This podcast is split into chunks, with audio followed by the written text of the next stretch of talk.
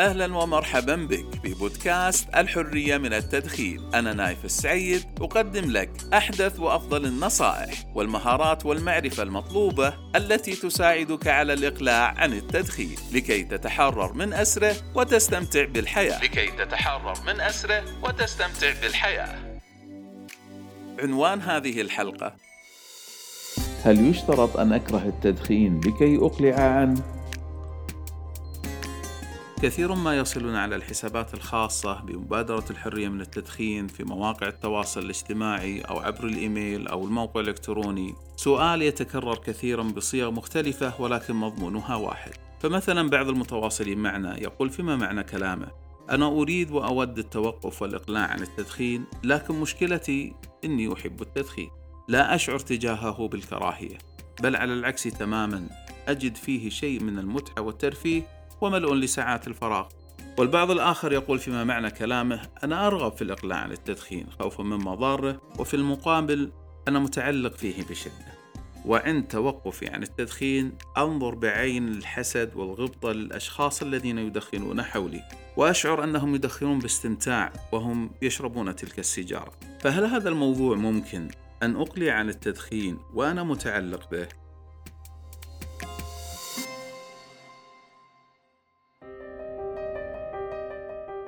وكما ترون تتعدد صيغ الأسئلة ولكن مضمونها واحد. هل لابد أن أكره التدخين لكي أقلع عنه؟ الجواب والذي قد يكون صادما للبعض منكم أنه ليس شرطا أن تكون كارها للتدخين لكي تقلع عنه. نعم ما سمعته صحيحا. ليس شرطا أن تكره التدخين لكي تقلع عنه. أنت تحتاج إلى شيء آخر لكي تستطيع الإقلاع عن التدخين إلى الأبد. غير موضوع كره التدخين وعدم محبته. طبعا إن حصل هذا فهو أفضل ولكنه ليس شرطا ملزما. واسمح لي قبل أن أوضح لك الأمر أن أطرح عليك السؤال التالي. لو كنت شخصا تسكن في أحد المدن الساحلية وهذه المدينة الساحلية لها شاطئ جميل يرتاده الكثير من محبي رياضة السباحة وركوب الأموال وكنت أنت واحد منهم وتشعر بمتعة كبيرة أثناء ممارستها. ولهذا أنت تذهب لهذا الشاطئ بشكل منتظم يكاد يكون شبه يومي. وفي أحد الأيام حذرت الجهات المختصة عن أمن وسلامة مرتادي هذا الشاطئ كل من يتواجد فيه. أن هناك مجموعة من أسماك القرش تم رصدها بالقرب منه. وقد تعرض بالفعل بعض مرتادي هذا الشاطئ إلى هجوم من قبل أسماك القرش ما نتج عن عدد من الوفيات وبتر في الأطراف لدى البعض الآخر منهم. فهل سوف تتجاهل هذه التحذيرات وتستمر في ارتياد هذا الشاطئ وممارسة هوايتك ورياضتك المفضلة والمحببة أم أنك سوف تؤثر السلامة وتبتعد عن هذا الشاطئ قدر الإمكان حتى زوال الخطر؟ وتبحث عن بدائل أخرى للاستمتاع تكون أكثر أمنا. لا شك أن أغلبنا سوف يختار السلامة والبحث عن بدائل آمنة. لأنني أنا أعرف أن فقد الحياة أو عضو من الأعضاء سوف يكون ثمن مقبول ومبرر مقابل الدفاع عن الوطن أو العرض أو النفس لكنه ثمن باهظ جدا مقابل متعة يمكن الاستغناء عنها أو إيجاد بديل لها. ولأن هذا الاختيار هو ما يتوافق مع المنطق السليم والتفكير العقلاني والقاعدة الشرعية التي تقول أن درء المفاسد مقدم على جلب المصالح، بمعنى أنه لو كان هناك أمرا أنت تحبه بشدة وتتحقق منه مصلحة أو منفعة لك. وفي نفس الوقت تترتب عليه مضرة أو مفسدة. وكانت هذه المفسدة أو المضرة أكبر من المصلحة والمنفعة المتحققة من هذا الأمر. فإن الشارع الحكيم والمنطق السليم والتفكير العقلاني سوف يقدم التخلص من هذه المضرة ويقدمها على جلب تلك المنفعة أو المصلحة وحصولها. مثال آخر: لو كنت رجل أعمال ولديك مشروع تحبه متعلق فيه بشدة لكن مشكلته أن إيراداته لا تغطي تكاليفه بمعنى أن الخسارة أكبر من الربح فيه وليس بالإمكان زيادة ربحية هذا المشروع بحيث تغطي التكاليف الخسائر فهل سوف تستمر في هذا المشروع إلى أن تصل إلى خسارة رأس مالك والإفلاس؟ أم إنك سوف توقف هذا المشروع للحد من خسائرك والخروج بأقل الأضرار الممكنة والحفاظ على ما تبقى من رأس مالك. في عرف التجارة ورجال الأعمال أن التخلص من المشروع الذي خسائره تفوق أرباحه يعتبر مكسب، وأن الاستمرار فيه سوف يفاقم الخسائر ويجعلها خسائر متراكمة تؤدي إلى خسارة رأس المال بالكامل وقد تؤدي إلى الإفلاس. كما أن استراتيجية الحد من الخسائر تعتبر من الاستراتيجيات الرئيسية فيما يعرف بإدارة المخاطر. إذا لماذا آثرنا في المثالين السابقين دفع المضار والمفاسد وقدمناه على جلب المنافع والمصالح المحدودة؟ لأن الاستمرار والرضا بتلك المنفعة البسيطة والربح المحدود في مقابل الخسارة والمضرة الكبيرة سوف يؤدي لضرر جسيم وخسائر لا يمكن تعويضها، يفوق المنفعة والمصلحة المتحققة بمراحل. وبناء على ما سبق، نأتي الآن إلى التدخين. ما هي مكاسب ومنافع التدخين وما هي مفاسده ومضاره؟ وهل منافعه إن كان له منافع حقيقية أكثر أو أكبر من مضاره لكي نستمر في التدخين أم أن أضراره أكبر وأكثر من منافعه فنقدم دفعها والتخلص منها فنتوقف عنه.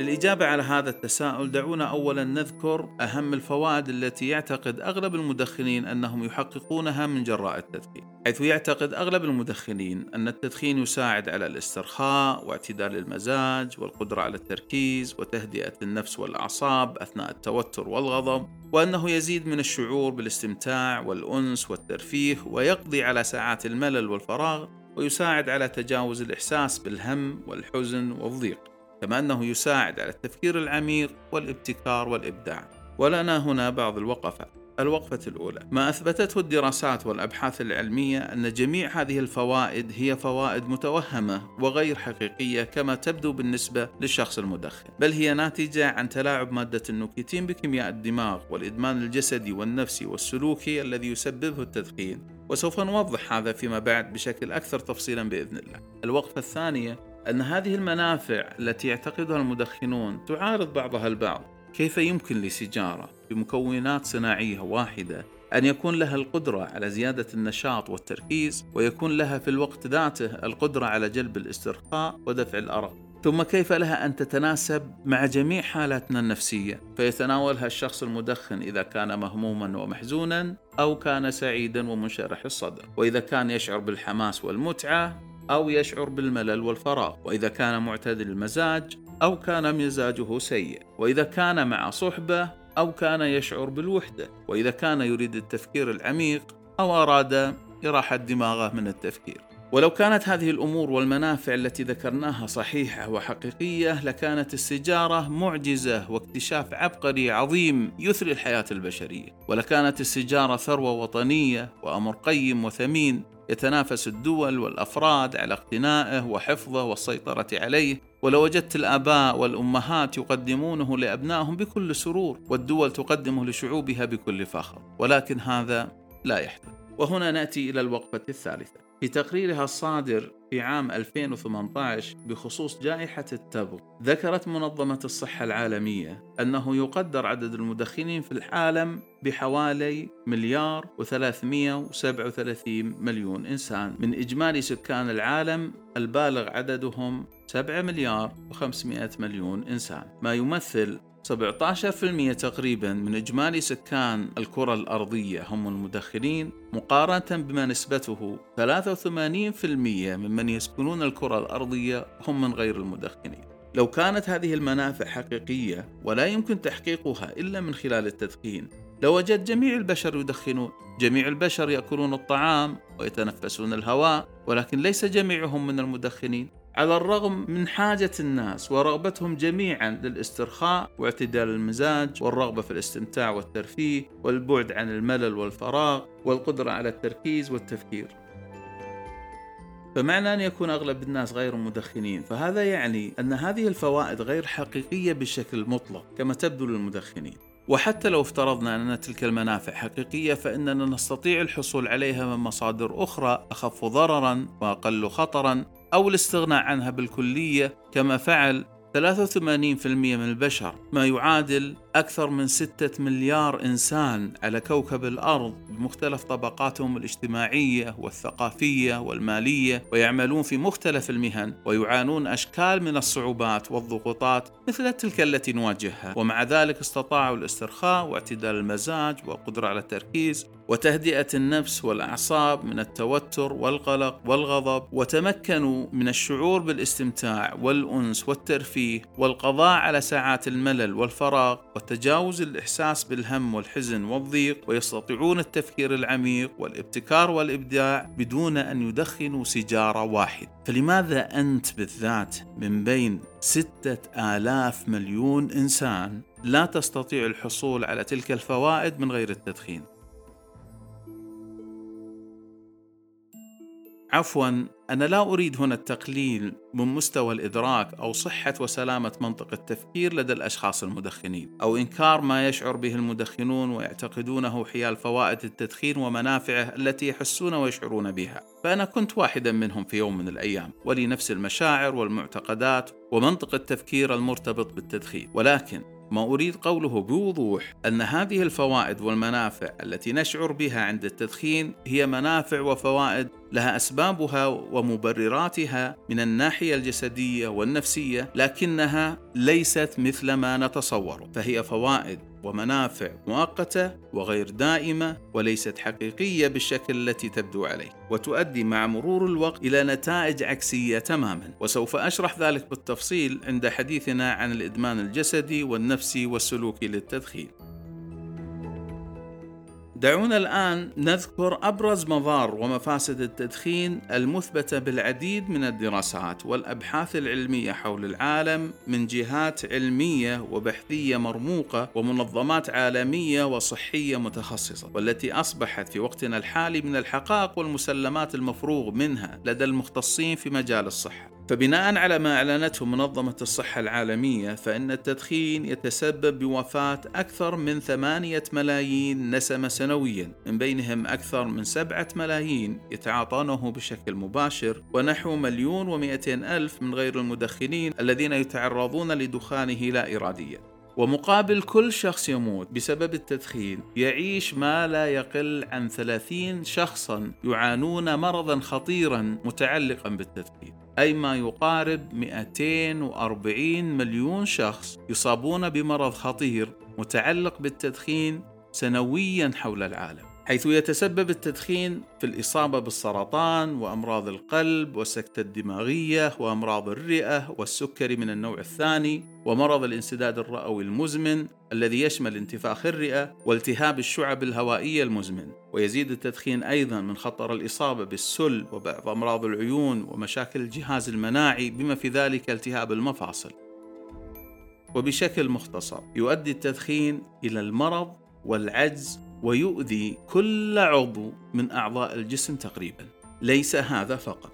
فقد ذكرت منظمة الصحة العالمية في تقريرها الأخير حول التبغ بأن التدخين يساهم في الفقر من خلال تحويل إنفاق الأسرة من الاحتياجات الأساسية مثل الغذاء والمأوى إلى استهلاك التبغ. وعلاج الأمراض المرتبطة فيه وأنه من الصعب جدا الحد من سلوك الإنفاق هذا لأن التبغ يسبب الإدمان وتعتبر التكاليف الاقتصادية لاستخدام التبغ كبيرة تشمل تكاليف الرعاية الصحية لعلاج الأمراض التي يسببها تعاطي التبغ كما أنه يتسبب في الوفاة المبكرة وفقد الأسرة لعائلها أو عدم القدرة على الإنتاجية والعمل بسبب الأمراض المزمنة الناتجة عن التدخين مما يؤدي إلى انخفاض دخل الأسرة. وعلى الرغم من ذلك تجد بعض المدخنين يستخف ويستهتر بهذه الأضرار الجسيمة والمفاسد العظيمة ويستبعد حدوثها له. فتجد بعضهم يقول بمنتهى الاستخفاف وعدم المبالاة الفرق بين المدخن والشخص غير المدخن أن كلاهما يموت ولكن غير المدخن يموت وهو بصحة جيدة. إياك وحذاري أن تقول مثل ذلك. لأسباب سوف أوضحها في هذه الوقفات التالية.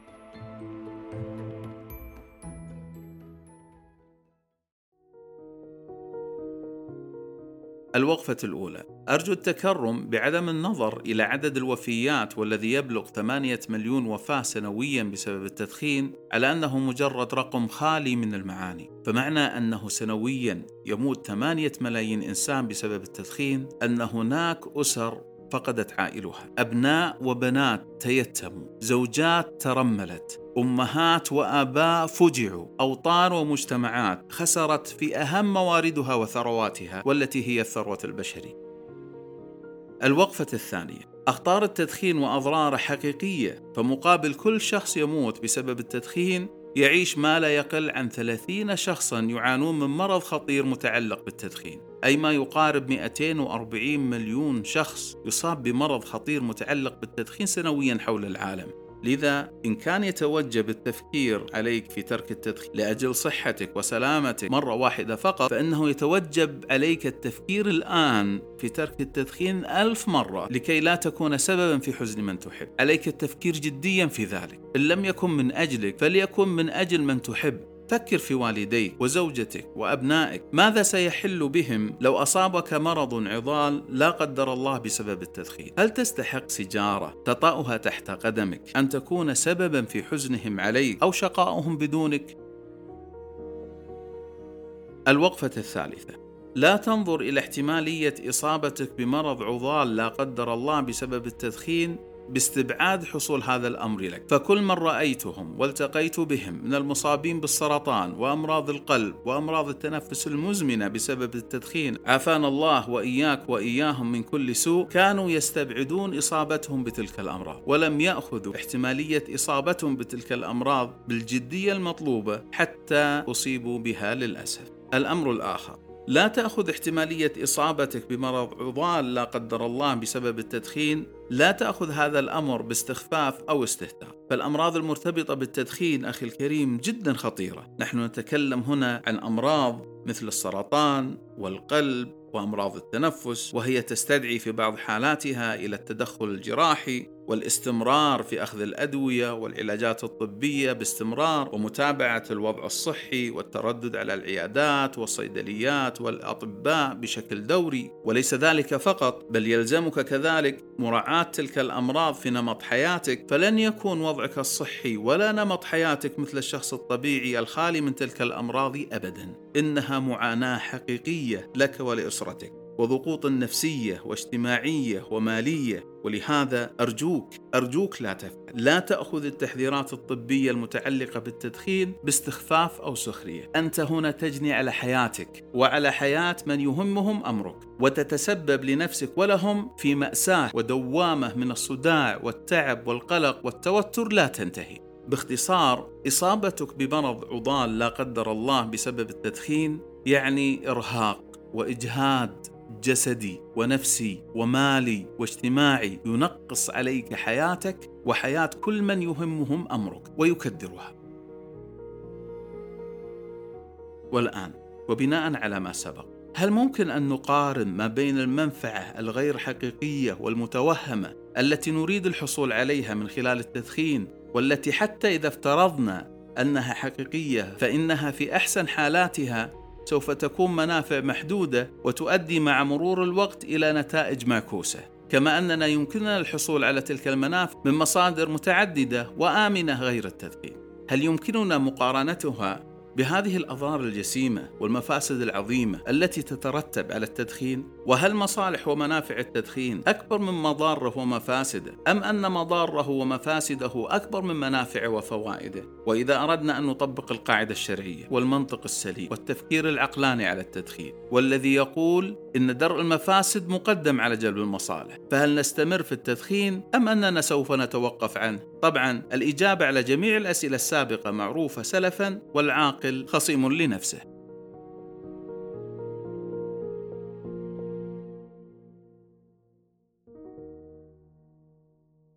دعونا نرجع إلى السؤال الذي تم طرحه في بداية الحديث. هل يجب أن أكره التدخين لكي أقلع عنه؟ الجواب هو لا. لا يجب عليك أن تكره التدخين لكي تتركه وتتوقف عنه. وليس شرطا أن لا تحب التدخين لكي تقلع عنه. بل يكفي أن تكون لديك قناعة جازمة بأن مضاره أكثر من فوائده وأن إثمه أكبر من نفعه وأن تمتلك قناعة راسخة بأن دفع مضار التدخين ومفاسده أولى من الحصول على منافعه وهنا قد يطرح بعضكم التساؤل التالي كيف يمكنني إيجاد هذه القناعة لكي أقلع عن التدخين حتى وإن كنت لا أكره التدخين حتى وإن كنت أحب التدخين. هذه القناعة يمكن إيجادها وترسيخها مع الوقت من خلال كثرة الاطلاع والتثقيف الذاتي من خلال القراءة والاستماع ومشاهدة الفيديوهات التي تتكلم عن التدخين وأبعاد مشكلته وكيفية التخلص منها وتجارب الآخرين والتي يمكنك الحصول عليها من خلال انضمامك إلى مجتمع الحرية من التدخين الافتراضي والتي سوف أوضح لك روابطها ويمكنك من خلالها أن تطلع على المواد المتاحة سواء كانت مقروءة أو مكتوبة أو مسموعة لإيجاد تلك القناعة وترسيخها مع مرور الوقت.